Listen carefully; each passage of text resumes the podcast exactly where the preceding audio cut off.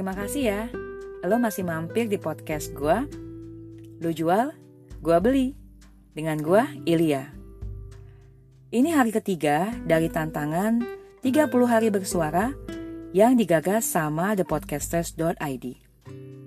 Dan hari ini temanya keputusan. Ini tema yang sebenarnya lekat banget sama kehidupan kita sehari-hari. Mulai dari bangun tidur, sampai tidur lagi. Mungkin sepanjang hari ada belasan, bahkan puluhan keputusan yang harus kita buat. Kadang keputusan-keputusan itu diambil tanpa berpikir panjang atau tanpa banyak pertimbangan.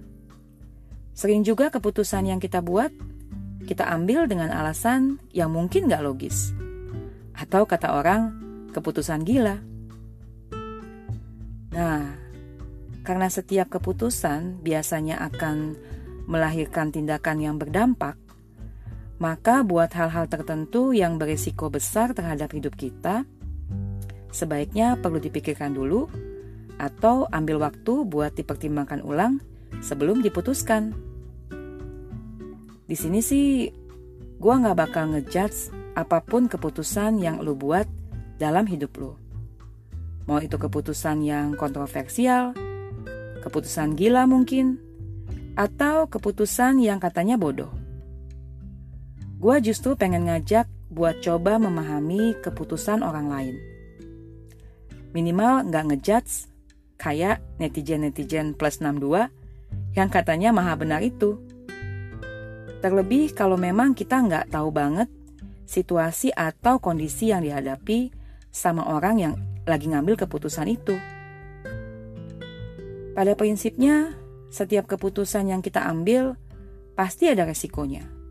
Dan resiko itu harus ditanggung sebagai konsekuensi dari suatu keputusan. Tapi gimana kalau ada orang yang ngambil keputusan karena tekanan atau desakan pihak lain?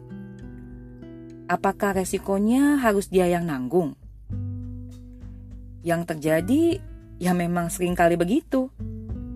Semisal seorang anak yang harus nurut kemauan orang tuanya untuk ngambil jurusan kuliah yang dia nggak suka. Atau terpaksa merit karena desakan keluarga. Memang nggak mudah sih berada dalam situasi ketika lo harus memutuskan sesuatu, tapi lo nggak dikasih ruang untuk memutuskan sendiri.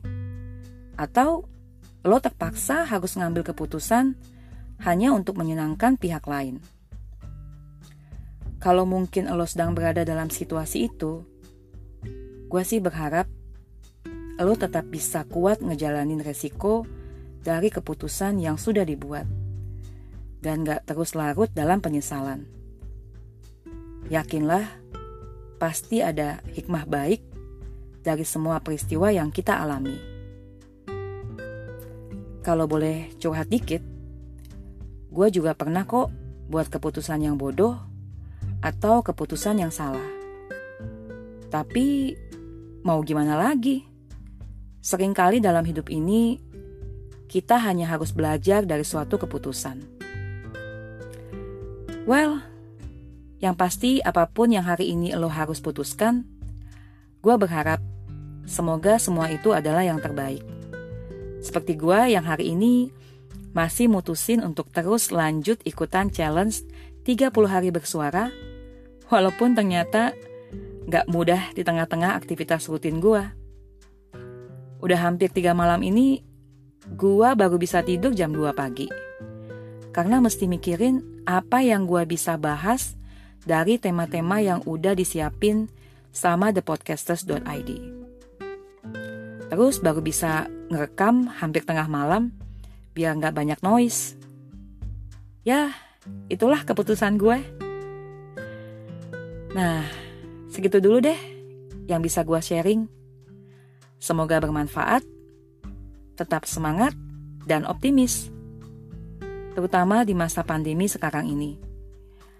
Ya pastinya nggak mudah buat kita semua. Lu jual, gue beli. Siapa takut? See you on the next episode.